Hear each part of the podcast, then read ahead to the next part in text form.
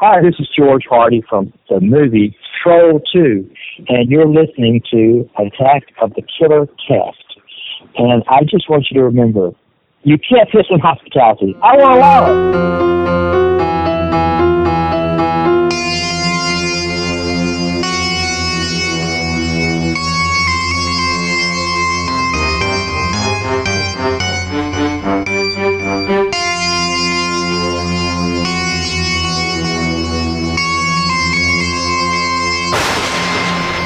Hei og velkommen til episode 27 av Attack of the Killer Cast. 27 episoder har det altså blitt, og i dag har vi beveget oss uh, ut fra studio, for vi er på Fredrikstad sci-fi-festival. Den andre byen. Den andre byen. Den Ja. byen hvor jeg faktisk er fra, så jeg Ja. har jo kommet hjem uh, på mange måter. Ja. Men uh, de som da sitter ja, hva, hva skal vi kalle det? På pauserommet? Eller eh, Backstage. Vi, nei, vi kaller det backstage. Det høres litt eh, flottere ut.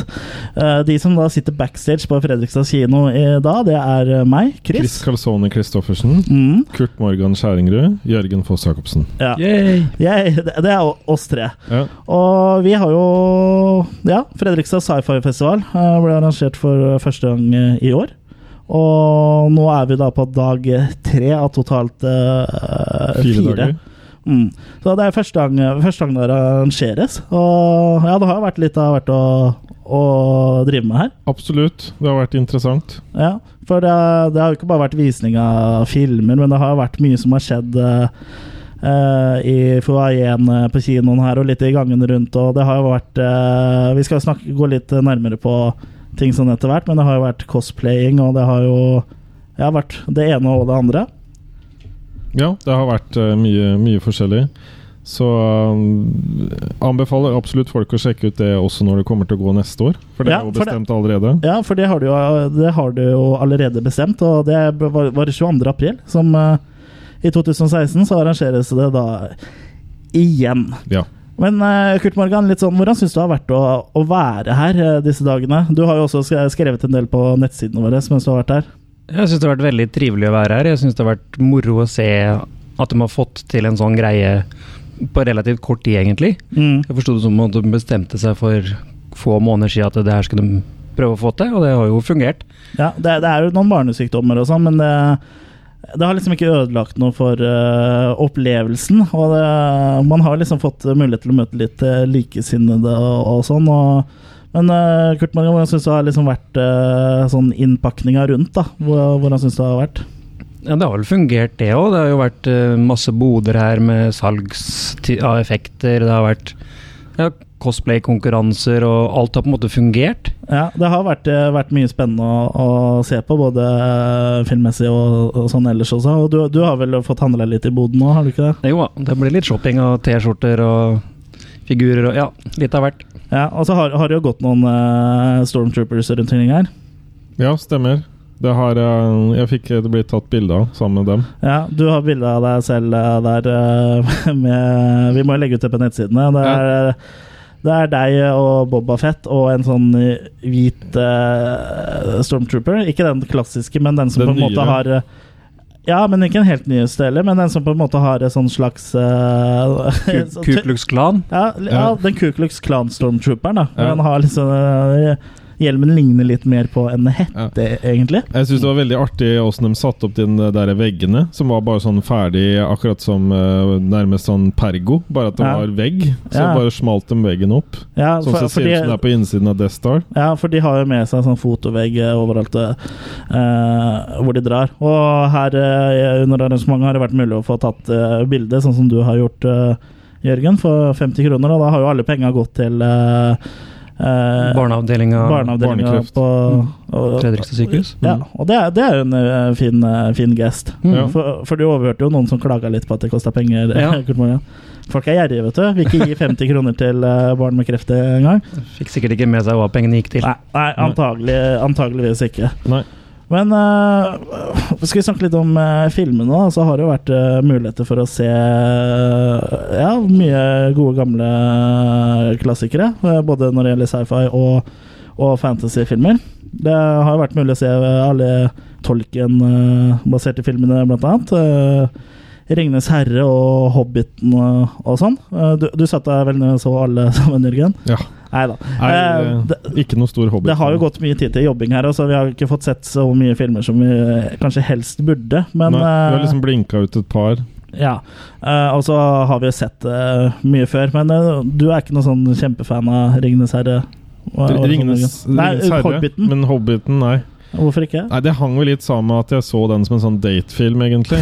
Og Ja, da ble vi sittende og prate egentlig hele Du var opptatt med andre ting, du. Ja, jeg lurer Ja. på det. Hvor var hendene dine, Jørgen? Den var på fjernkontrollen. Wow, så du hadde med fjernkontroll? Ja.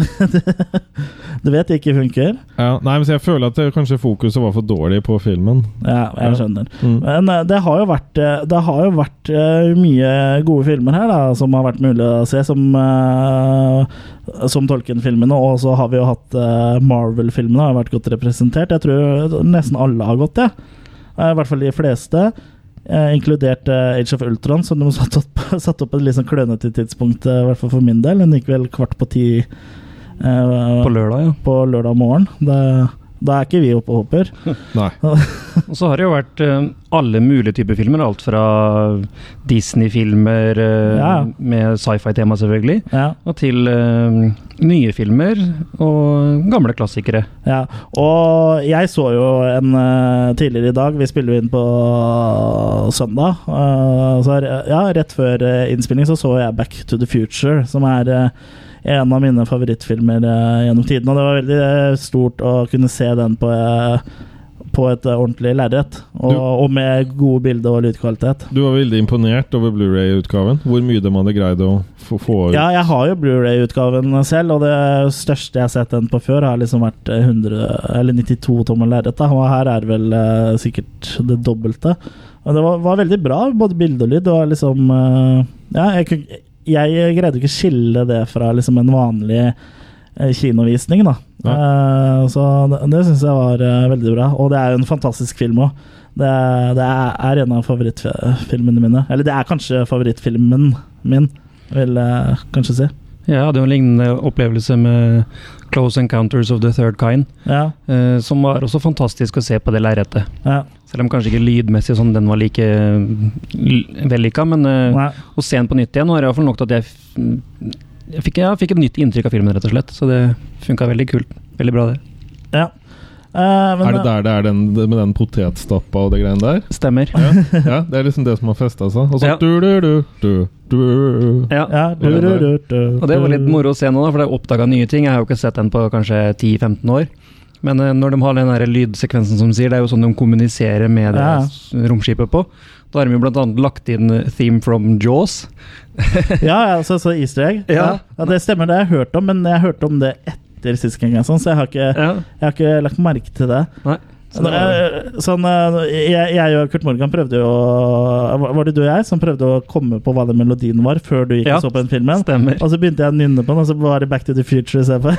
Ja, riktig. Men eh, altså, både mange av de temalåtene begynner jo litt likt, da, så det er ikke så rart eh, at, Ja. at jeg ramla litt utpå og tynn is der. Mm. Og apropos Spielberg, det har også vært mulig å se ET. Mm. eh, med undertittel 'Gjesten fra verdensrommet'. Jeg visste ikke at det var en norsk tittel.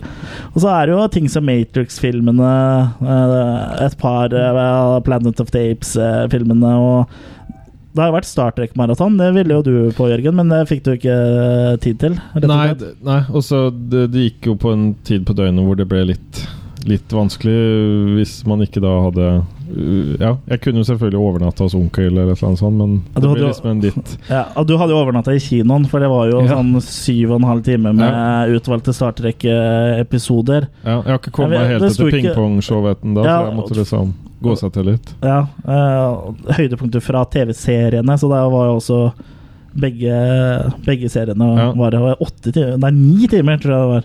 Det er jo Next Generation som er min favoritt. Uh, Ja, det er, vel, det er vel mange som er enige der. Det er vel uh, Det er familien, Ja. rett og slett. Min. Familien. Ja, for det, det er vel den folk flest er fan av. Det er mange som liker classic òg, men det er, Next Generation er vel liksom den som er eh, nerdenes uh, våte drøm, holdt jeg på å si. Men ja. det har også vært litt nyere filmer. Dere to var jo blant annet også Eks-makene. Ja, vi starta jo med den, egentlig. Ja. Egentlig litt med litt sånn blanke ark. Vi hadde vi ikke Og fargestifter til. Ja, vi hadde jo ikke hørt noe særlig om den før, men det var jo en skjellsettende opplevelse. Ja, briljant uh, film, Mm. Ja. syns jeg. Sånn, Den hadde så mye og var veldig stødig laga. Stillferdig, men allikevel um, effektfull. Ja. Og så artig at han er filma i Norge. Ja, er det scenene fra Norge der, altså? Jeg, jeg, jeg, jeg fikk jo ikke sett den. Så, Alle utendørsscenene er filma i Norge, med storslått natur. og Det er fantastisk. så bra.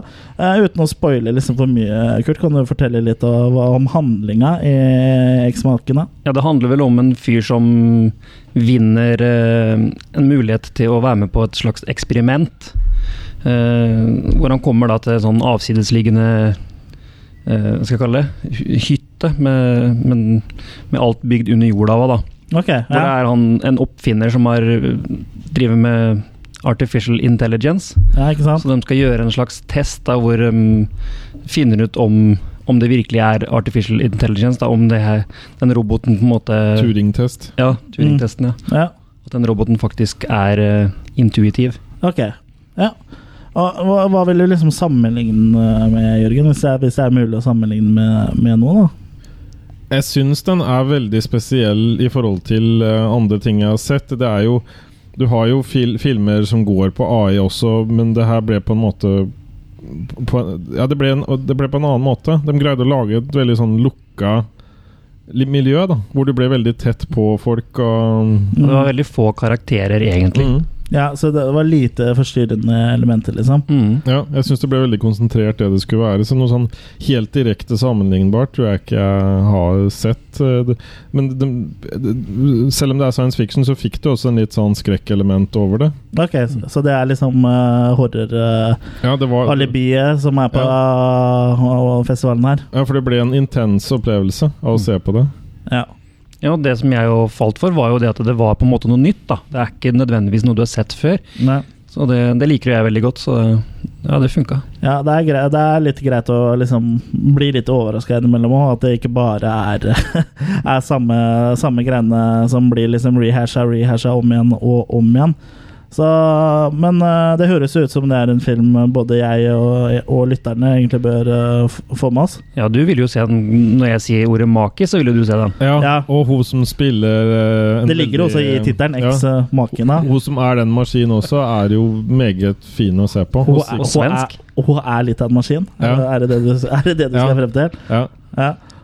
Ja, eh, det, det, vi spiller jo inn podkasten på nest siste da, men det er jo også ting som skjer altså i morgen på mandag. Men da må jo flesteparten, flesteparten av oss krype til jobb. Men du har vi tenkt deg hit for å se en eh, klassiker, eh, Kurt?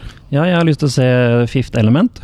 Ja. Rett og slett, for den har jeg aldri sett før. Mm. Så det kan jo være litt artig å få mulighet til å se den på stor skjerm òg. Den er uh, veldig å anbefale. Det er, det er nesten et under at du ikke har sett den. Den er eh, egentlig. Ja. Uh, en, eneste, det er liksom Den filmen er så bra at du til og med tåler Chris Tucker. Som spiller det. Og du tåler den i den filmen, og det sier vel ikke rent lite om, om filmen.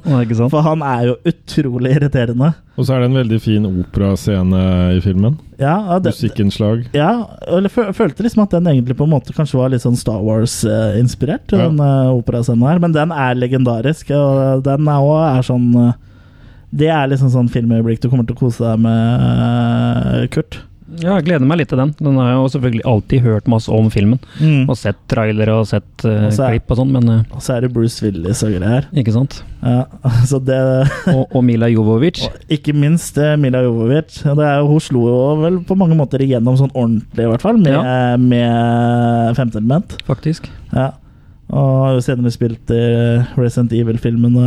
Er vel det hun er mest uh, kjent for. Ja. Etter, etter Femte element. Eller Ja. kanskje nesten mer kjent for Resident Evil enn Femte element. Nå så er det vel det, ja. Mm. Mm.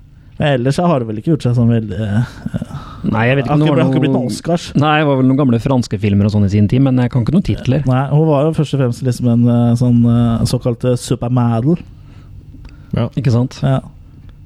Og ja, det Og så har vi også sci-fi-klassikere som eh, Terminator og det, det har vært mye bra å se, da. Og, og Ja, litt du- mindre kjente filmer òg. De har jo blant annet vist Moon. Ja, det- som er, er en Ja. veldig god film. Ja, veldig Ja, bra. og District 9. Ja, og, og, som også er eh, Knallfilm. Ja, Neil Blom Blomkamp sin eh, film, som er jo Den er jo utrolig bra. ja. Den er vel egentlig litt undervurdert, spør du meg. Så, Ja, er den egentlig det? Jeg føler at den er veldig random. Men kanskje mer i vårt miljø enn Ja, det eh, mainstream-miljøet. nettopp. Ja. Uh, og så har vi jo Terminator.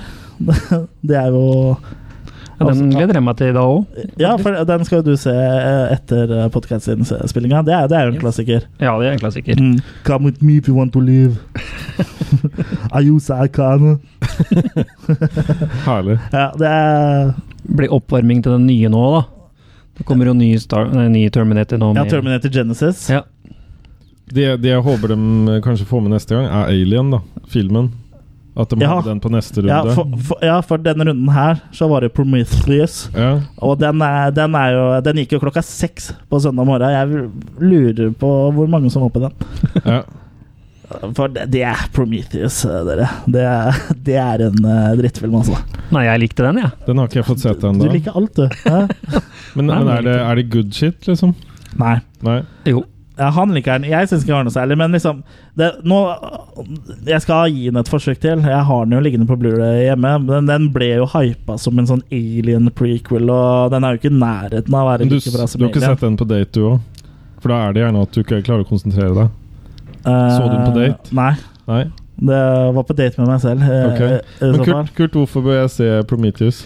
Nei, rett og slett fordi det er en prequel til Alien, men du kan også se den som en frittstående film. Jeg syns det er noe av det bedre som har kommet fra Ridley Scott på mange, mange mange år, i hvert fall. Ja, det, Det kan- kanskje ikke så mye, men Nei, altså jeg skal ikke være en sånn Ridley Scott-hater, men jeg er liksom en av få For meg virker det sånn da at jeg er en av få som eh, ikke syns Gladiator er noe særlig bra, eller?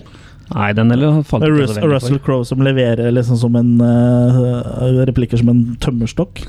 jeg, altså, jeg Ja, nå er det riktignok en stund siden jeg har sett denne, men den uh, den bergtok ikke meg. Men det er sånn som du sier, Ridley Scott eh, det er noe av det bedre han har kommet med på lang tid, men jeg føler ikke at det, det, det, det, så- Men den det var- sier så mye. Jeg syns også den hadde litt Jeg tror den hadde vært bedre hvis det ikke hadde vært nevnt noe om Alien.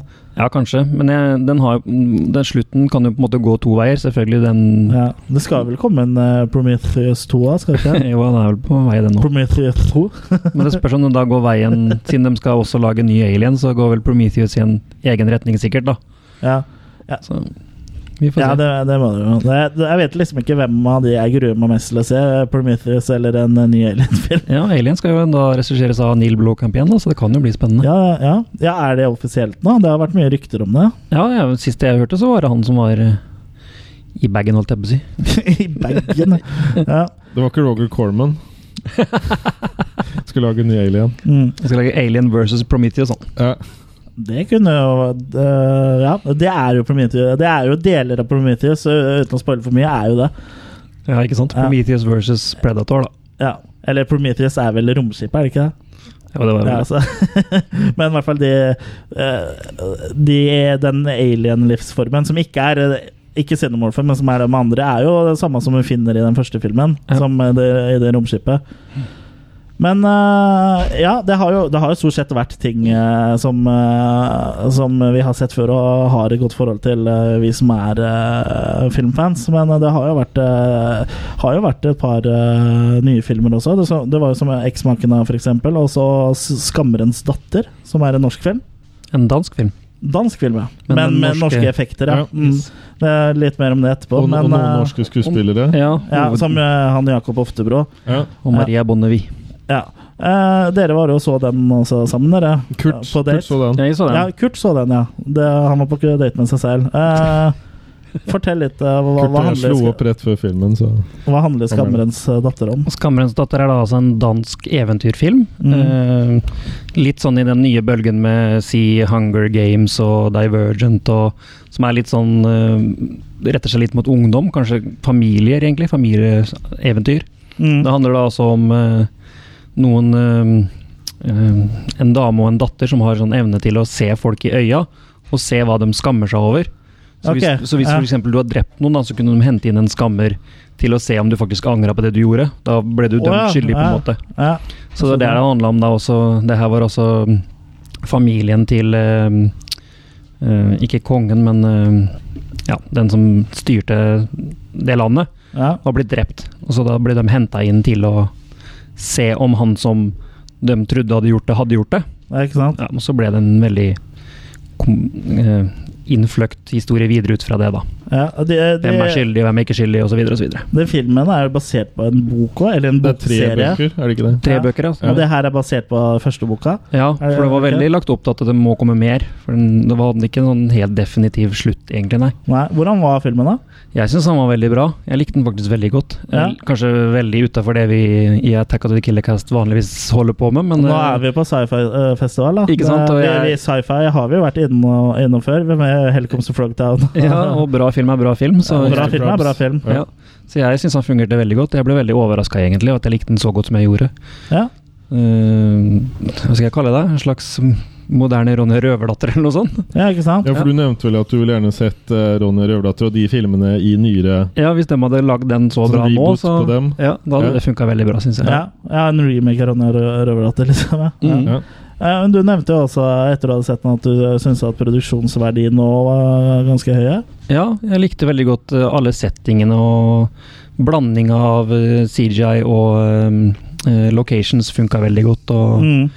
nei, ve veldig positivt overraska over den. Ja, og det er jo et norsk eh, firma som har stått for alle CGI-ene i, i filmen. det er derfor jeg og trodde den var norsk også. Ja. Og du, Jørgen, har jo vært og Du tok jo en uh, prat uh, med Øystein Larsen, uh, som da er uh, effects supervisor i Storm Studios. Ja. La oss høre på det.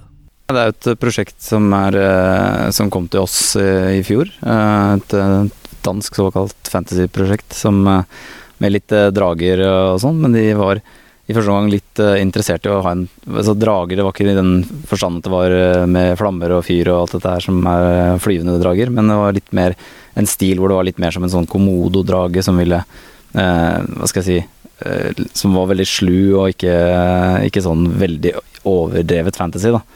Um, og det prosjektet har jo, når jeg kom, så var det et ganske stort prosjekt for oss å ta på oss. Um, men veldig, veldig morsomt. Vi likte jo like godt den sjangeren, så vi fikk lov til å prøve oss litt. Noe som, liksom, noe som er i den samme sjangeren som er veldig populær om dagen, med Game of Thrones og alt dette her. Så vi, uh, vi gikk på det i fjor og har jobbet uh, ja, Vi har ikke jobbet kontinuerlig med det, men vi har jobbet sånn si ca. en seks måneders tid på dette prosjektet på rundt 20 mann. Hvilke 3D-verktøy og sånn er det typisk som er brukt i den danske Eller det er kanskje sånn hemmeligheter, men vi- kan, kan du si litt om det? Ja, altså Pipelinen vår er ganske standard. Den er basert rundt uh, Maya som en uh, main hovedpakke. Og så bruker vi Houdini eh, ganske mye til en del ting. Um, og så er det da Composite i Nuke som vi um, Og så er alt på en måte integrert litt i vår egen, uh, i vår egen pipeline. Da, automatisering. Så, så mye av de vanlige sånn oppgavene folk må drive med hele tiden, uh, og lete etter filer og sånn, det, det styrer vi unna. Da. Så, vi, så det er ganske bra sånn oppsett for det, da. Når er du kommet inn i eh, effektmiljøet, for å si det sånn? Hvilken type, hvilken type film eller sånn var din første film hvor du var med på effekter og sånn? Um, ja, jeg var jo egentlig jeg, jeg tok jo en bachelor i eh, computer art, som det het, på den eh, tiden hvor egentlig dette Det var litt vanskelig å nå inn i dette miljøet, da, fordi computerne kostet en halv million, og softwaren var nesten like dyr. Eh, Så jeg gikk på en skole i USA, og så når jeg var ferdig med den, så jeg, eh, ble jeg ansatt i et effektsfirma som akkurat var ferdig med den første Matrix-filmen. Um, så mitt første prosjekt var en eh, litt sånn, skal jeg kalle det, ikke kalle det horrorfilm, men det var en film med Kim Basinger som heter Bless the Child. Um, og når jeg var ferdig med den, så, så ballet det litt videre på seg. Da, da begynte vi egentlig med testing for de to neste Matrix-filmene. Um, og et av mine hovedansvar var å, å jobbe med digitale mennesker, så eh, jeg var med på utviklingen av det i nesten to og et halvt år. Og så var jeg jo involvert i en del andre prosjekter. Catwoman var en av de, Konstantin Constantine eh, og et par andre. Og så fant jeg egentlig ut at jeg hadde vært borte så lenge at jeg var litt interessert i å peke nesa hjemover, da. Eh, så når jeg da kom hjem, så, så var det egentlig ganske tamt på filmeffektsfronten i Norge. Det var ikke så mye som hadde skjedd. Um, og jeg fikk jo da muligheten til å supervise Max Manus, som, hvor jeg på en måte kunne ta en mye av de teknikkene som jeg hadde lært i, i utlandet, og, og, få inn i norsk filmbransje. Det, var, det viste seg at det var veldig, veldig bra. da. Det, det har liksom, fra, fra, det punktet så har på en måte norske filmer hatt mye høyere kvalitet på effekter og fått ting til å fungere bra. da. Eh, Storm Studios har jo stadig blitt mer eh, kjent som en av de du har samarbeida med, har jeg forstått. og det, det, virker som på en måte stadig at uh, også Norge er mer på en måte til stede da, hva gjelder effekter og sånn? Ja, helt klart. Altså, nå er vi jo mye europeisk samarbeid også, men vi har jo begynt å få smake litt på Hollywood-effekter. Uh, vi er akkurat ferdig med en sekvens på en større Hollywood-film nå. Um, så vi, det er liksom veien å gå. Vi bruker de samme verktøy og vi gjør de samme tingene. Det er på en måte, vi har veldig små team. Vi får, får ting ganske raskt igjennom eh, systemet. Men det er klart, kvalitetsnivået er jo, er jo ekstremt høyt, så det, man må jo jobbe deretter. så det er, det er, veldig, det er liksom balansegang hva man vil legge i det. Da. For det det er veldig, veldig krevende arbeid. Hva liker du best med eh, å holde på med effekter? Hva gjør at du tror at du kommer til å holde på med det lang tid framover? Nei, Det jeg liker best, er på en måte den min gode miksen av det på en måte tekniske og det kreative. Eh, jeg gikk på en måte på art school, så jeg hadde liksom en, en veldig sånn kreativ bakgrunn. Eh, jeg var egentlig på vei inn, inn, i reklamebransjen før jeg dro til USA. Eh, men så, etter hvert som jeg kom mer inn i filmbransjen, så, så gikk jeg mer inn på det tekniske nivået og gikk og gikk jo også på Berkeley for å lære meg programmering og gjorde alle disse tingene. Så det, det er en fin, veldig fin miks mellom det kreative og eh, det artistiske. da. Og i tillegg til det så får man, når man da som en supervisor, så er man veldig mye på opptak og sånne ting, og, og overser den biten. da, Så man har mye bakgrunn av foto og alt dette her da, som går inn i samme. Så det er en veldig, veldig sånn varierende og interessant eh, jobb. da. Det skjer noe nytt hele tiden. Når det gjelder 'Skammerens datter', er det noe særlig der man på en måte bør legge merke til? Eller var det noen spesiell utfordring der, der, særlig der som dere hadde nettopp med den filmen? Nei, altså det kan man si Når man, når man begynner med karakterer eh, og, og, creatures, så er det liksom Det er alltid en utfordring, fordi man, det tar lang tid å komme dit på en måte man vil. Eh, det er mye prøving og feiling å se ok, før man lander et, et design som, er veldig, som man vil gå for. da. Uh, og fra det punktet så er det på en måte går det mye på å få, få til realistiske uh, bevegelser og, og, look og alle disse tingene. Uh, vi hadde jo en stor, en stor sideting som vi gjorde på Skammeren, som var da bygge store byer. eller denne store byen, Dunark, da, som, som, først var tenkt som en mer sånn 2D matte matte paint, hvor du liksom en artist hadde paintet. Men jo mer vi fikk sett på det, så gikk vi for å gjøre en fullstendig 3D-løsning på det. Da. Det er jeg jo veldig glad for, for det resultatet viser seg jo. Ja, det var også Øystein eh, Larsen fra Storm Studio som fortalte litt om, eh, om, effektene ved både 'Skammerens datter' og egentlig hele karrieren hans fra han gikk på skolen, Jørgen. Ja. Han holdt jo et foredrag i forkant av av visningen av 'Skammerens datter', som begge dere fikk med dere. Hvordan, hvordan var det? Jo, det var artig det å se åssen ting fungerer, på en måte. Han viste jo bl.a. en del sånn praktisk ved effekter. Da, fra effekten er ikke der, til oppbygging til ferdig bilde, på en måte. At du mm. bl.a. hadde halen til den uh, dragen, sånn fysisk, sånn som du kunne se hvor den havna en i forhold til når du skulle sette det opp. Så var det det her med kraner og sånn, at den ble dratt i ja. At det ble sånn. laga praktiske effekter på settet, sånn at skuespillerne hadde noe å forholde seg til. Ja, ikke sant. Ja. Så ble den da erstatta med en digital hale, sånn så den kunne interagere med Skuespillerne kunne liksom ja Interag, inter, ja, liksom være interaktive med den halen. da mm, så, så, Som slipper å flytte han solo opp, eh, sånn som de gjorde i den uh, 97-versjonen av Star Wars. Ja. Hvor han gikk da på halen til Jabba, og du bare ser ham bare Akkurat som du, du skulle klippet ut i paint, liksom. Han over. Ja, det ser jo helt uh, ufattelig teit ut. Han nevner jo at han uh, har jobba på uh, oppfølgerne til The Matrix. Ja. Og det jeg visste ikke at Matrix hadde oppfølgere. Har, har, ellers, så, ellers, så, har jeg fortrengt det. De eksisterer bare i The Matrix. Så ja, for, jeg håper det. For uh, jeg syns jo The Matrix er en veldig bra film. Ja, men er de to oppfølgerne er jo så utrolig dårlige. Det er sikkert det er bra effekter, men det er mye av det. Ja, det er kun effekter, er det ikke det? Effekter. Effektmessig så ble det jo bare bedre og bedre. Ja, men uh, sånn det, så... filmmessig så er det den første som er bra, og jeg uh, hvis jeg først ser The Matrix uh, igjen, så ser jeg ikke de andre. Jeg ser bare den første. Ja. Ja, men det var en som tok tak i òg, at effektene De hadde hatt sånn Q&A, Ja, ja. og så var det en som spurte om effektene Om man i dag syns de så bra ut, liksom. Der hvor det kommer veldig mange personer på Ja. en gang ja, ja, ja, og skal angripe Neo. ja, for det, det så ikke så bra ut. Nei, ikke i dag. Nei. Det funka jo den gangen, på en måte. Han snakka om det om å prøve å dra oppmerksomheten bort fra det som ikke Ser bra ut, ja. Ja. Mm. Og at du nøt det som var der. ja. Det er, det er jo egentlig Det er egentlig livsmotet ditt, er ikke det, Jørgen? Nyt det som er der. Ja. Ja. Nei, men ja, Kos deg med det du ser, pleier jeg å si. Ja. Ikke bry deg om det andre. hvem er det du pleier å si det til? Nei, til damene. Men er jeg helt på jordet nå? Men er jeg helt på jordet nå, var ikke den scenen de beskrev da i eneren, som han da ikke var med å Det kan godt hende, men eh, Jeg tenkte det var der hvor alle flyr på den, på en måte. Ja, men det det, er, det er vel i alle uh, Men ja, det er, det er jo ikke det i den første. Der har jo må holdt seg begrensa seg litt. Men det er jo en av oppfølgerne. Jeg lurer på om det er en tredje hvor det er liksom 700 000 Ja, av den stemmer. her eh, Stemmer. Ja, Er det Smith han heter? ja. Smith? Det kommer så sinnssykt mange Smith. Ja, det kunne bare ikke ja. Smith sånt, ja.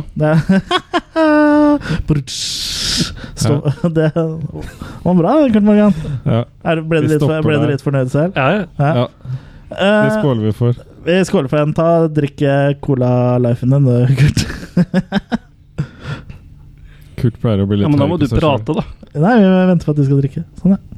Eh, Fredrikstad Sci-Fi-festival eh, har jo også hatt besøk av Anne Mette Sandnes og Knut Jørgen Rød Ødegård, som har da hatt eh, et astroshow. Hvor de da fortalte om fremtidens stjernereiser og, og hvordan liksom menneskeheten etter hvert uh, må forlate jorda, da, uh, mener de. Og må liksom uh, Kolonisere. kolonisere andre planeter og liksom Og snakka litt om liksom Er vi alene? Og, og snakka litt om sorte hull og sånn. Ja. Jeg slo av en liten eh, prat jeg, med det, det kosmiske superparet. Da så jeg her sammen med Anne Mette Sandnes og Knut Jørgen Rød Ødegård, og dere har eh, hatt et lite show her i dag. Eh, de som ikke har fått vært her, hva har de gått eh, glipp av? Vi har snakket eh, veldig mye om fremtidens stjernereiser, og hvordan det vil skje, hvem som kommer til å reise, hvilke reisemål vi har, og hvorfor menneskene faktisk må reise ut av solsystemet for å finne alternative steder å, å bo. Og så har vi også snakket om kronisering av vårt eget eh, solsystem, og andre spennende astronomiske fenomener. Og romheiser og uh, skikkelig planeter, kunstige planeter og alt uh, utover i verden som Hvordan det blir i fremtiden, altså, faktisk. da. Og superslurpen sorte hull og multivers har vi så vidt vært innom. Eksoplaneter, ikke minst. Muligheten for å finne, livsformer der ute. Ganske mye forskjellig astronomisk. Og, også hva som skjer på, faktisk på stjernehimmelen fremover, da, som man får med seg Pluto og det som kommer til å skje i år. Eh, Knut Jørgen, du er jo uh, en av de mest lidenskapelige astrofysikerne jeg vet om, i hvert fall. Men uh, eh, hvordan, er, hvordan er ditt forhold til science fiction-filmer? Vi er jo på en sci-fi-festival. Ja, det er litt sånn ambivalent. Fordi at eh, jeg vil gjerne ha alt realistisk, og det er litt vanskelig eh, på en science fiction, i vanligvis i science fiction-filmer. Og dessuten så er det ofte lite realistisk gjengitt også de fenomenene som er der. Så jeg har litt sånn kronglete forhold til det. Vi føler, vi føler veldig at eh, det som, er, vi, det som gir oss mest, det er når vi kan leve oss inn og tenke at det kunne ha vært meg. Og da må det være en viss realisme i det. da. Eh, Og når vi har vært på konferanser, på stjerneskipskonferanser i, eh, i eh, både Houston og Orlando i USA, så har det jo vært eh, veldig verdens mest kjente science fiction-forfattere, i hvert fall fra USA og Japan og andre steder, som eh, har vært til stede. Og de anser jo både NASA og andre som veldig viktige personer, for det er faktisk de personene som skaper fremtiden. Så NASA og ESA og andre, de, de skaper faktisk det science fiction-forfatterne først har touchet inn på. Da. Så det blir faktisk virkelighet. Så all respekt for eh, de, altså. Men uh, finnes det noen sci-fi-filmer som er eh, Eller for å si sånn, da. eh, hvilken science fiction-film er det som kommer nærmest å være realistisk? Ja, Gravity kanskje, men nå har ikke vi Ingen av oss har egentlig sett noe særlig science fiction-filmer i det siste, fordi vi har holdt på med et science fiction-trilogiprosjekt. Så da vi blir forstyrra i vår egen prosess, da. Så vi har holdt oss unna vel i det siste. Men uh, Contact er veldig spennende, og selvfølgelig IT har vi sett en del ganger, da. Litt for mange ganger, kanskje. Ja, jeg er enig i den. Ja, det var altså Knut Jørgen Rød Ødegård og Anne Mette Sandnes. Energisk par. Ja. Veldig energisk par. Tenk deg å være på middagsselskap hos de. Ja. De holdt jo også Jeg tror, da tror jeg faktisk du får et astroshow da òg, tror du ikke det? Jo, det tror jeg. liksom, lærer liksom bare sånn Ja, nå tenkte jeg sånn at eh, i, i, i, i, mens vi venter på dessert, så bare Og så kommer så lærerrettene Universet! En uendelig mengde av stjerner og planeter! liksom bare fortsetter eh, Om jeg må si det selv, så var det en ganske god parodi. Ja. På begge to, egentlig. Ja. Men ja, det er jo et energisk og artig par, dette her, da. Men Ja. de, eh, de hadde jo ikke så mye til overs for sci-fi-filmer. Nei, men de hadde jo introduksjon til nærkontakt av tredje grad, Ja, og det gikk jo i samme tempo der. Ja, ikke sant? Og, um, og det var vel en sånn minivariant av det astroshowet de regner med. Mm. De kom jo innom alt fra kolonisering til eksoplaneter, og hvordan de møtte hverandre, ikke minst. Ja, Så- det var vel eh, et sort hull, kanskje. Det var faktisk uh, Nei, men det, det må vente til femte date med, med å vise fra det sorte hullet. Nei, Anne drev faktisk en slags research til en bok hun skrev, og den boka skrev hun fordi hun hadde en slags ufo-opplevelse Opplevelse. sjøl når hun var yngre. Wow, Så i forbindelse med research på det, så møtte hun han da, og ja, falt for han der. Så Ja, falt for han der. ja. Knut Jørgen Rød Ødegård. Da skal ikke stå på navnet, i hvert fall. En, en liten, Han er, sånn- han er jo en artig type, da. En liten Ja, ja. sånn fun fact hva navnet Ødegård angår. Det kommer egentlig fra svartedautida, hvor det var rett og slett en øde gård. Ok, Hvor det var ikke noen folk der lenger. nei, Gården var øde. Og der bodde han. Nei, men det navnet, da- navnet, kommer av det. Ja, Og da slo liksom hans familie seg ned der. Ja, da ble det øde, ja. øde gård. Mm. Ja.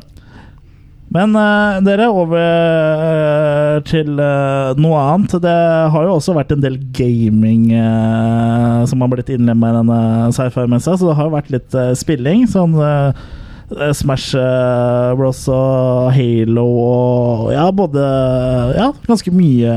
Noe retro Og så noe retro òg. De har hatt en liten avdeling, litt, eh, sånn lite hjørne, vil jeg si, med litt sånn uh, Gratis gaming. ja, med eldre konsoller, da, som uh, Jeg vil jo si at jeg kanskje savna å se en Atari 2600 og litt sånt noe, men det var uh, et par neser og Det var vel ikke noe Snes, men det var uh, i hvert fall uh, en PS2 Nintendo. og en eh, GameCube. Det var ikke noe snes, men det var tolv Nintendoer. Morokloppen. Men uh, jeg, jeg fikk jo prøvd meg litt på Duck Hunt, og så spilte jeg litt Ice Climber òg. Har jo Spillene Gameplay har jo forbedra seg litt, for det, det å styre de her små eskimoene i Ice Climber er jo et helvete. Ja, og enkelte ting virker jo ikke på de nymotens TV-ene lenger heller. Nei, det må jo ha tjukk-TV-er. Ja, eh, men her har de jo tjukke-TV-er, Ja. og det er jo da det ser best ut, best ut også, med mindre du har uh, Retron 5, da, som eh, som jobber virkelig bra med bilder, som gjør at uh, Nes og Snes og Megadrive-spill ser veldig bra ut. Ja. Jeg har ikke fått uh, vært uh, så veldig mye og spilt noe. Jeg har liksom bare titta bitte lite grann, og, og så så jeg jo i programmet at det var spilling av Alien Isolation klokka fire på natta en av dagene her. Og det, det kan jeg tenke meg kan være ganske stemningsfullt. Ja. Eh, Jeg vet ikke om noen av dere har spilt Alien Isolation? Du har vel sett Jeg har sett litt? på deg spille Alien Isolation. Jeg ble litt redd, Ja. egentlig. Eh, ja, du så ikke på meg, men du så på det at jeg spilte på skjermen. Ja, ja. Men, eh, Du kan si det sånn. Jeg fikk jo ikke sove etterpå. Men eh, det som er da med Alien Isolation, er at eh, der har de liksom fanga hele stemninga fra, den første Alien-filmen, hvor du går på sånn eh, en svær rombase som på nesten på en måte er som en liten by, da. Og som er helt forlatt. Og så er, hører du stadig en uh, Xenomorphen driver og løper rundt oppi luftanlegget, og den kan plutselig dukke opp når som helst og ta deg sånn, og det er skikkelig, skikkelig creepy spill. Så det kan jeg se for meg at var uh, Kunne være en ganske intens opplevelse å sitte og spille det. og jeg, bare se på det, egentlig, Mm. og noen spille det i, på stort lerret. Så det er jo artig at de drar inn litt gaming i dette her, syns jeg. Men neste år så vil jeg ha flere retro-konsoller. Ja. Kanskje vi kan sitte og ha noen sånn øh, live øh, videoanmeldelse av noe Ja, gamle vi- horrorspill. Vi vil spille da selvfølgelig eh, Texas Chain Massacre på Atari 2600. Hva heter så det? Texas Chain Massacre. Texas Chainsaw Massacre. Chainsaw. Ja. Jeg glemmer gjerne Ja. så. Ja, for så er det en helt ny serie, er ikke det? Så er en ny skrekkfilm. ja, den anerkjenner du ikke. Ja. Så derfor tar du bort den i Ja, du liker best å si Motorsagmassakren, du. Ja. Ja, du liker norske titler. Skapulf og ja, ja. Skapulf jeg håper jeg får sett etter hvert, altså. Ja, ja og i, med norsk tittel. Ja. Ja. Vi, vi vil ha uh, Skapulf uh, utgitt uh, med, med norsk cover, så Hører dere det, AVE? Ja, så Send mail til AVE om at dere vil ha Skapulf eh, på DVD eller Blu-ray Ja. med norsk tittel. Men vi har jo også en felles bekjent som vant Halo-konkurranse her i natt, så Ja, eh, det var jo Halo 2-konkurranse, eller det var vel i det Master Chief Collection, og da var det Halo 2-konkurranse som da Kim David, eh, som har vært med på bl.a. Oslo Flightfest og Troma. Troma-spesialen vår. Ja. Og han vant da overlegent, vil jeg vel eh, si, i Halo 2, i Halo 2 da. Så det, gratulerer til han. helt klart. Ja, han Gamle gubber skyter best. Ja, ikke sant? Jeg, jeg tror faktisk at eh, at uh, både på semifinalen og finalen så var det ingen som fikk Fikk ikke motstanderen inn et, eh, et eneste kill på han. Oi, såpass. Ja, så han er god i Halo 2. Det, det, det- skal ha. Ja. Men uh, det har jo også, eller i veldig stor grad, så vil jeg jo si at uh, cosplayere har jo virkelig inntatt Fredrikstad denne helga her. Det har jo vært mye mye morsomt å se. Det har jo vært alt fra Batgirls til uh, til prinsesse Selda, og vi har jo hatt uh, stormtroopere her og Darth Vader, og det har vært mye bra å se på. Mye og mye uh, kreative folk. da har, For mange har jo lagd kostymene sine selv. Og sånn Og for min egen del så Jeg har ikke vært så veldig kjent med sånn øh, Med cosplaying, liksom. Så det var på en måte sånn introduksjon til liksom hele greiene for meg. Jeg har jo liksom sett bilder på nettet og hørt om det, og sånn men det var liksom første gang jeg fikk eh, liksom eh, Tatt på dem. Jeg har tatt på dem. Ja. Det, er, det er første gang jeg eh, liksom har vært en del av det, på en måte. da Men Chris, jeg ja, du er helt klare på at vi skal på cosplay? Ja, vi har jo, vi, du vi ha har jo så skal du ha Jabba the Hutt? Nei, jeg skal uh, cosplaye som uh, Frank Henlotter, jeg. Ja. ja, nei, men at vi skal på det, det, det kan du være sikker på. Ellers så er jo det mesteparten altså i Attack of the Killer Cast er jo stødige typer, så det har jo vært snakk om at vi skal gå som uh, kallene i lange, flate baller òg. Ja, riktig. at vi tar hver vår bokstav. Det er jo også en enkel måte å cosplaye på. Ja. Eh, men ja, det var liksom eh, Det var liksom eh, ganske nytt for meg å, opp, oppleve det, for jeg er jo ikke del av den generasjonen der, liksom. Men jeg syns jo det var ganske interessant og gøy å, å se alle disse folka her. Ja, jeg syns det var artig og fargerikt, og så syns jeg alltid moro med jeg kaller det nerdisme. Ja, for det er jo nerdisme og tatt det til mye høyere nivå enn vi noensinne har, har tatt det. Uh, ja, hva, hva er det vi har sett da? Det har jo, Jeg nevnte jo noen av dem, men det har jo vært uh, Det har jo vært et cosplay-konkurranse òg, det skal vi snakke litt mer om. uh, Det har jo vært alt, alt fra Selda til Ghostbusters til ja, og ja, det var jo et par Ghostbusters her, og han ene i hvert fall hadde en uh, sånn proton pack som var veldig uh, detaljrik, da. mm, Som sånn, jeg håper å si, røk og Ja, det kom sånn røyk ut bak. ja, og lyder og Ja. Og, nei, det, det, er, det er morsomt. Hva, eller hva sier du, Jørgen? Nei, jeg syns også cosplay eh, Nå har ikke jeg fått sett alt det som har vært på cosplay det her, men vi Nei. så den Supernerd-filmen, og jeg, jeg Ja. liker konseptet. Ja, for de har også satt opp en norsk dokumentar eh, på den festivalen som vi så tidligere da, Jørgen, som da het eh, Supernerd. Som Ja. er en eh, norsk dokumentar om eh, Ja, det er vel, handler vel eh, om to cosplayere. En som er uh, To norske cosplayere. En Ja. som er uh, liksom ganske etablert, og som er kjent og liksom har vært litt i gamet en stund. Og så er det en som liksom skal til å liksom lage sitt første kostyme, kostyme og dra på sin første convention og, og sånn. Ja, Og jeg vil jo si at det, det, det var en veldig underholdende dokumentar. ja Morsomme kontraster. Ja, for de hadde jo valgt veldig bra caser, og da tenker jeg spesielt på han Var det Alexander han heter? Han som da er nybegynneren her. For han var en veldig sånn stillferdig, litt sånn innadvendt, eh, sjenert type. Og hadde jo da en familie som liksom ikke helt skjønte Eller du skjønte jo ingenting av liksom, hva er det du holder på med, liksom. Og det var, det var heller ikke mye støtte uh, å, å få heller eller- Spesielt av mora, liksom. Jeg, jeg tør å gå rundt sånn og Ja, broren òg slang med litt med lua. Ja. ja, Han slang ikke med lua, med leppa. Med leppa, ja. Ja. Eh, så så det var vel liksom veldig interessant å se den reisen han Alexander uh, der da hadde.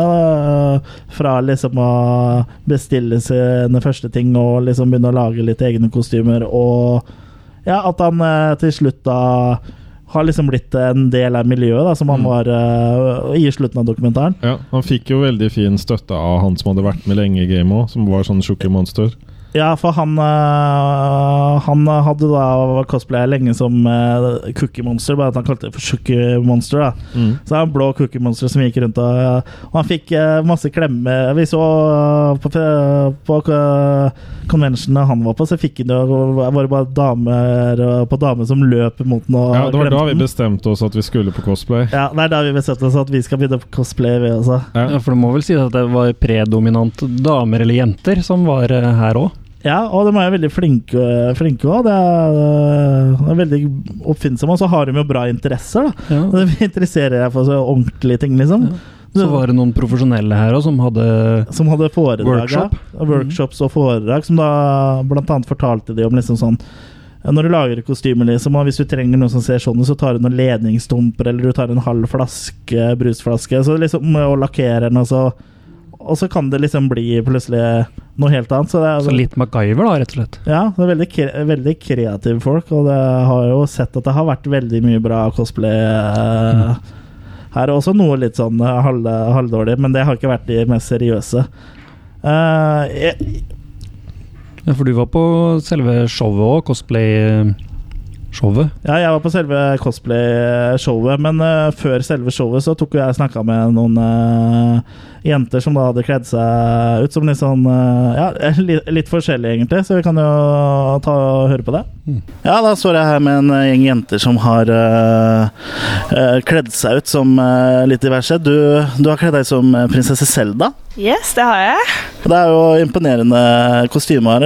Hvor lang tid har du brukt på å lage, lage det her? Det er jo nå et år siden jeg lagde denne, så jeg, jeg tror jeg brukte tre måneder eller noe sånt. Men eh, jeg jobbet på ganske mange andre kostymer samtidig, så det var litt sånn Jeg vet ikke helt spesifikt hvor lang tid jeg brukte. Um, men eh, det var noen måneder, ja. Hva er det du syns er spennende med å cosplaye? Jeg syns at miljøet innenfor cosplay er utrolig fint, og alle er så åpne og veldig akseptable. Eh, og du blir veldig godt tatt mot. Eh, så du kan være helt ny og ende opp med masse venner på slutten av dagen. Eh, og det er noe av det som gjør cosplay så veldig moro. Fordi du ser veldig lett hva andre liker, og ser at eh, ja, vi har samme interesser, så nå kan vi mingle litt og bli litt venner. Ja, og du har gått for en litt mer lettkledde versjon av prinsesse Leia. Ja, jeg valgte den her, for det er, det er litt lettere å lage den her enn å lage alle de andre svære tingene hun har på seg. Så jeg hadde et, to uker på det, så da ble det det. Du har lagd alt uh, fra bånn selv? Ja, alt er laget fra bånn. Uh, alt er håndsydd ved siden av, eller det som er sydd, er håndsydd. Uh, og så er det bare gjenbruk av en BH og masse forskjellige greier inni. Men uh, forventer du å kanskje møte en uh, Jabba the Hutt her i dag, eller? Å, jeg håper på det. Jeg har allerede møtt en Boba Fett som har fått lov å holde i lenka. Så jeg håper egentlig på det. Og så har vi eh, Alice in Murderland. Uh, er det ikke det du har kledd deg som? Jo, ja det er det. Ja, og du har også lagd alt eh, selv? Nei, den gangen her så er det lånt. Det er vel kjøpt, ja. Det er kjøpt og lånt av en venninne av meg. Sånn, jeg liker å lage cos cosplay selv, men denne gangen var det ikke tid, dessverre. Har du cosplaya lenge? Eh, det er en del år nå. Tre eller fire år, tror jeg.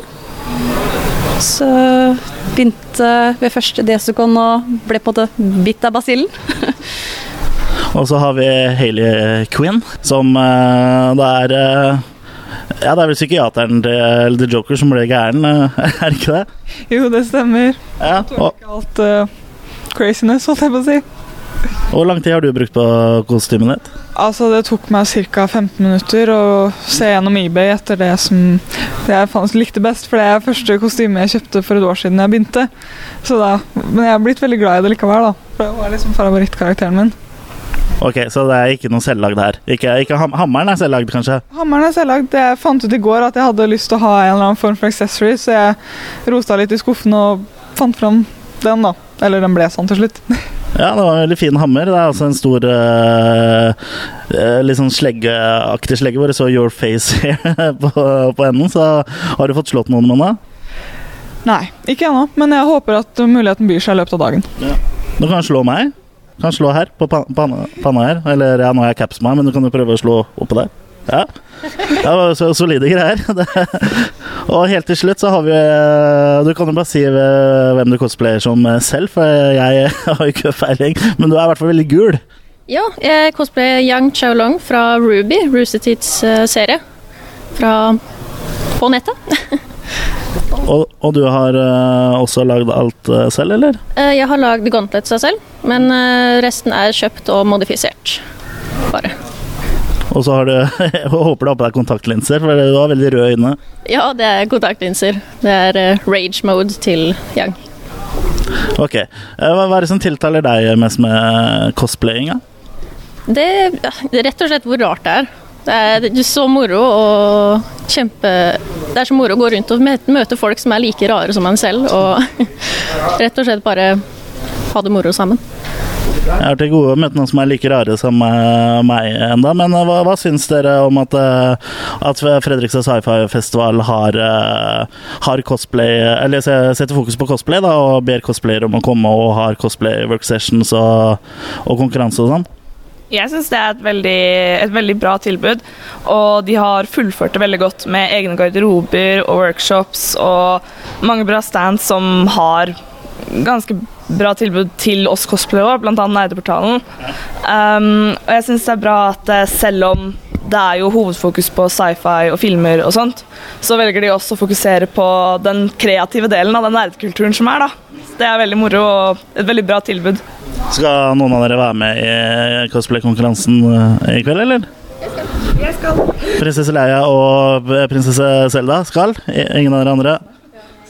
Ja. Men da får dere ha lykke til. Tusen takk. Ja, det var jo også en, eh, en skokk med jenter som, hadde, som var og cosplaya. Og da Julia uh, som uh, prinsesse Leia, eller Slave Leia, for hun var jo da slaveversjonen i den uh, gullbikinien som vi alle husker så godt. Og så var da Mathilde som Selda. Og begge de to var jo med i konkurransen, og begge to vant jo også hver sin pris, uh, faktisk. Så vi kan jo ta Jeg tok jo en liten prat med de også rett etter de da hadde vunnet uh, prisen deres. Denne karakteren her sånn, eller denne personen har ikke bare et veldig fint kostyme, men var også den som brukte scenen her sånn. Og alt sammen egentlig kjempebra. Kjempeflott fremførelse. Veldig fin kostyme. Veldig, veldig fin kostyme. Um, og det er en glede å si at det er Mathilde som steller av.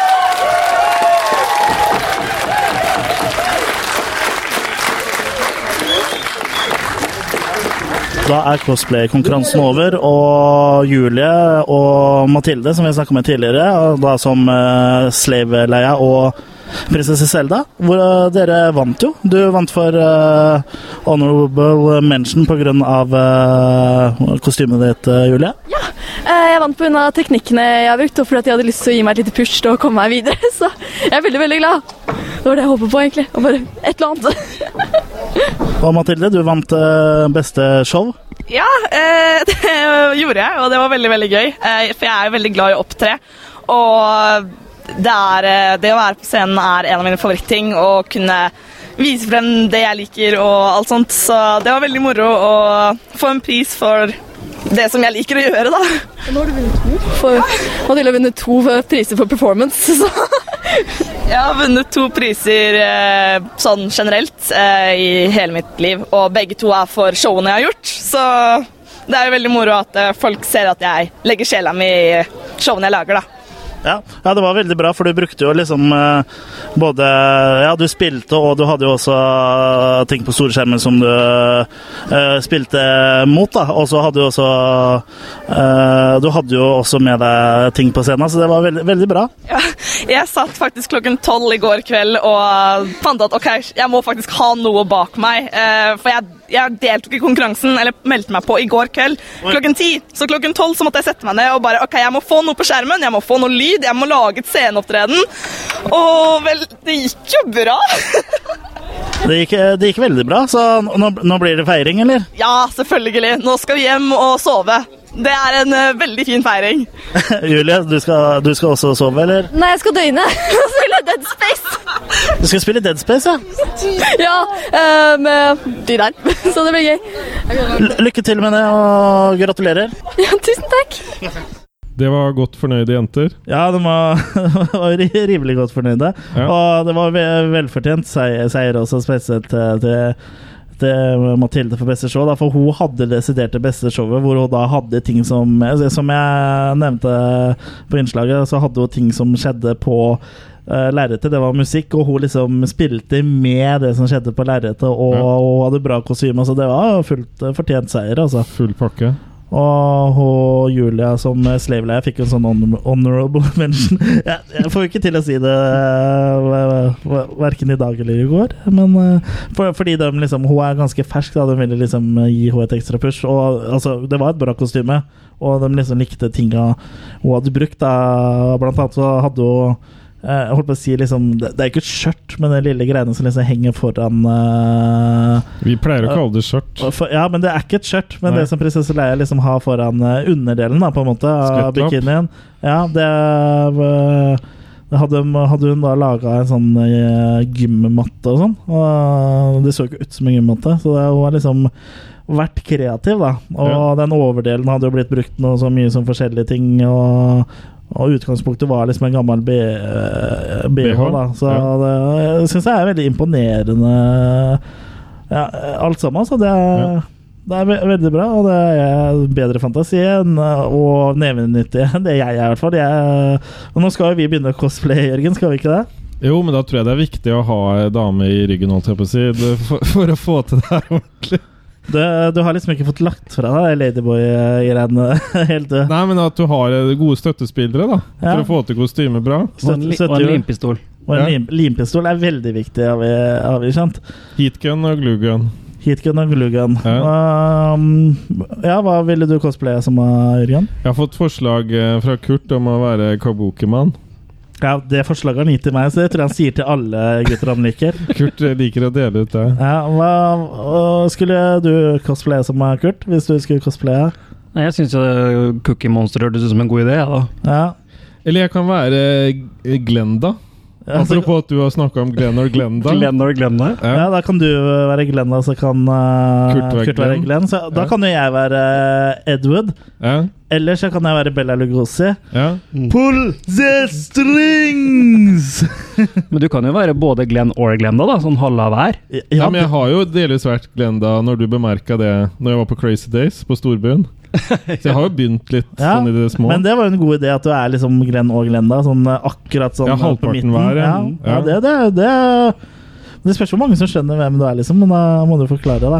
Ja. Men det er jo samme det, alle dem som går rundt med gult og rødt hår og oransje hår, og som er alle disse anime-figurene nå, har ikke jeg, det har ikke jeg noen peiling på, i hvert fall. Jeg får gå med 1953.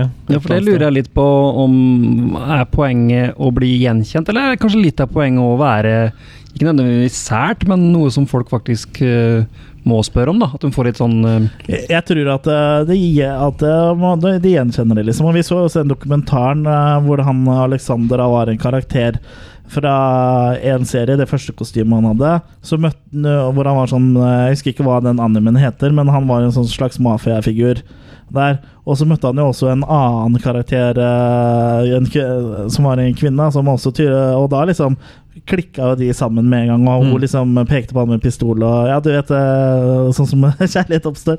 Ja. Eller, Men da, da liksom med en gang han stilte seg i kø bak henne, og han liksom så henne, så begynte jo de liksom på en måte å Ja, og playe, Bonde, da. Ja, ja. de, de, for det, er jo ikke bare det at du skal kle deg, du skal jo også være litt i karakter, da, for det er jo det det går på. Mm. Det er jo Cosplay er forkortelse for costume eh, play. Ja. Så Så jentene brifa han jo litt på hva som gjaldt for hans karakter også. Ja, med at det var viktig med penger, alkohol. Ja, det var den andre, det var den andre karakteren hans. Uh, var The Pervy Sage, uh, Ja. som da er uh, Nå noterte ikke jeg meg navnet på den uh, animen. Nå, dere yngre lyttere syns jo sikkert vi er håpløse nå som ikke kan alt det her, men dere aner antakeligvis ikke hvem Reb Brown er, så det, det Da har vi tatt igjen. Da har vi liksom tatt igjen, på en måte. Ja. Men kan Eller Kabukiman. Kabuki-man. Ja. Så da kan liksom vi på en måte lære dere våre ting, og så kan dere lære oss eh, dere ting. Da. For vi er åpne for ting, men vi vi begynner å dra på åra, så vi må ha ting liksom forta forklart. da Ja, Og så setter vi det i en ungdom. kontekst eh, sånn som vi uh, kjenner, da. Ja. Og skjønner, Mm. ikke minst. Ja. Bruk gjerne eksempler fra Juster og Mm. Fleksnes og sånn. Ja. Da, da tar vi det. Pølsemaker, pølsemaker, hvor har du gjort av deg? Men uh, det Jeg, jeg savna litt uh, mer horrorrelatert uh, cosplay, da. Eh, Det, det var veldig mye eh, spill og eh, tegneserier og anime og sånn. Det nærmeste som eh, jeg har sett, da, som kom eh, opp mot horror, var jo eh, hun hun som eh, var på et innslag som var da hadde kledd seg som Alice in Murderland. av- med- med- så- Den spillserien som han eh, McKee har laga, er det ikke han heter? Ja. Nå, spør nå, meg. nei, hvis vi tar feil her, så får vi bare få kjeft av dere kids. Det, Maki eller Maki? McGee, Okay. ikke Maki. Men det var jo godt du hadde internett, altså du fikk sjekka noe horrorrelatert cosplay der. Ja, for vi jeg hadde en liten session i går, jeg og uh, Kurt Morgan, hvor vi lurte på om det egentlig var liksom noe cosplay som var umulig å gjøre sexy. da Så vi tok noe sånn, begynte jo sånn enkelt med sånn Google-bildesøk eh, 'sexy Freddy Kruger-cosplay'. Det funka veldig bra. Mm. Jason Warhees òg gjorde det òg.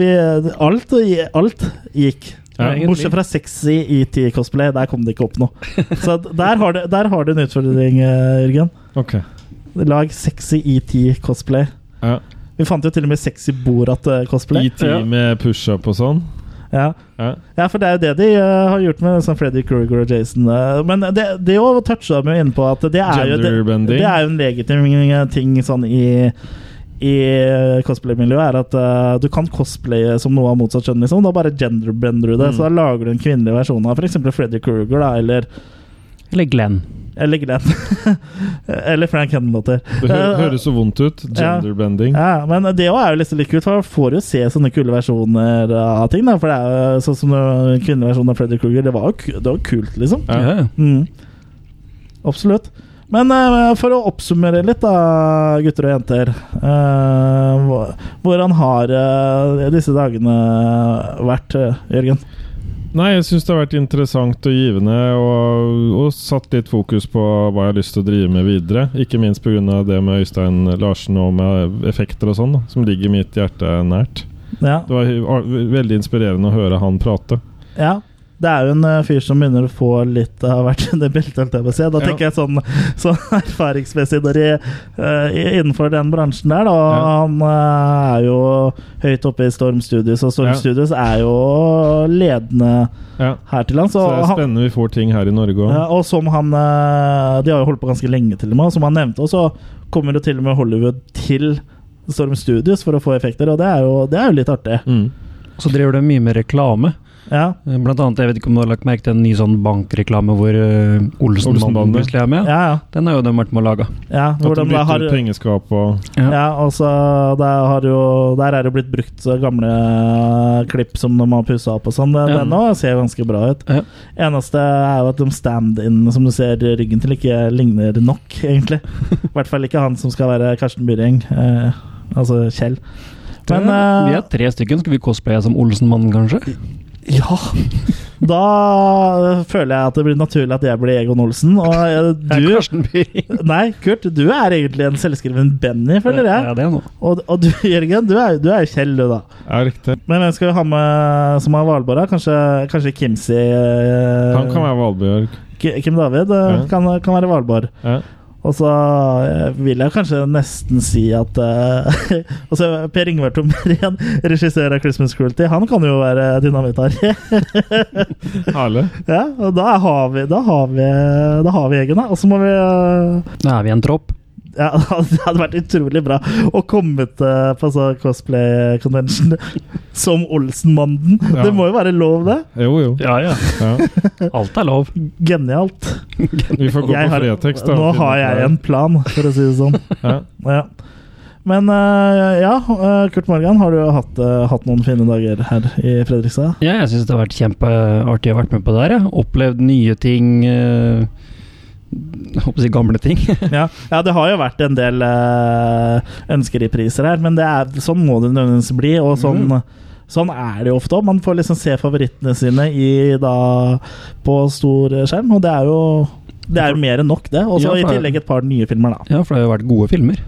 Ja, det er vel sjelden eh, det har vært bedre kinoprogram enn det her. eh, Ikke sant? På mange, mange helger. Men eh, da er det vel egentlig ikke så mye annet å gjøre enn å si takk for oss, og minne om at vi har Facebook-side som, eh, som det har skjedd mye på mens vi har vært her, i hvert fall. Og alle cosplay-bildene kan du gå inn og se på, på nettsida vår. Og så Der ligger det et bildegalleri. Og så ligger det også litt sånn eh, på Instagram-kontoen vår og litt på Facebook og Filmsnutter og litt små filmsnutter på uh, Facebook. Så Og hvis du driver med cosplay og er kvinne, så send gjerne bilder til, til redaksjon. ja, Så, kan, vi promotere det. ja, så kan vi da legge ut det på Facebook-sida Ja. vår. Så det er ikke til Jørgens private samling. Altså det Hører du, Jørgen? Det er ikke til deg. Nei. Dekk! Ned, gutt! Ned, gutt! Han skal bare ha én kopi.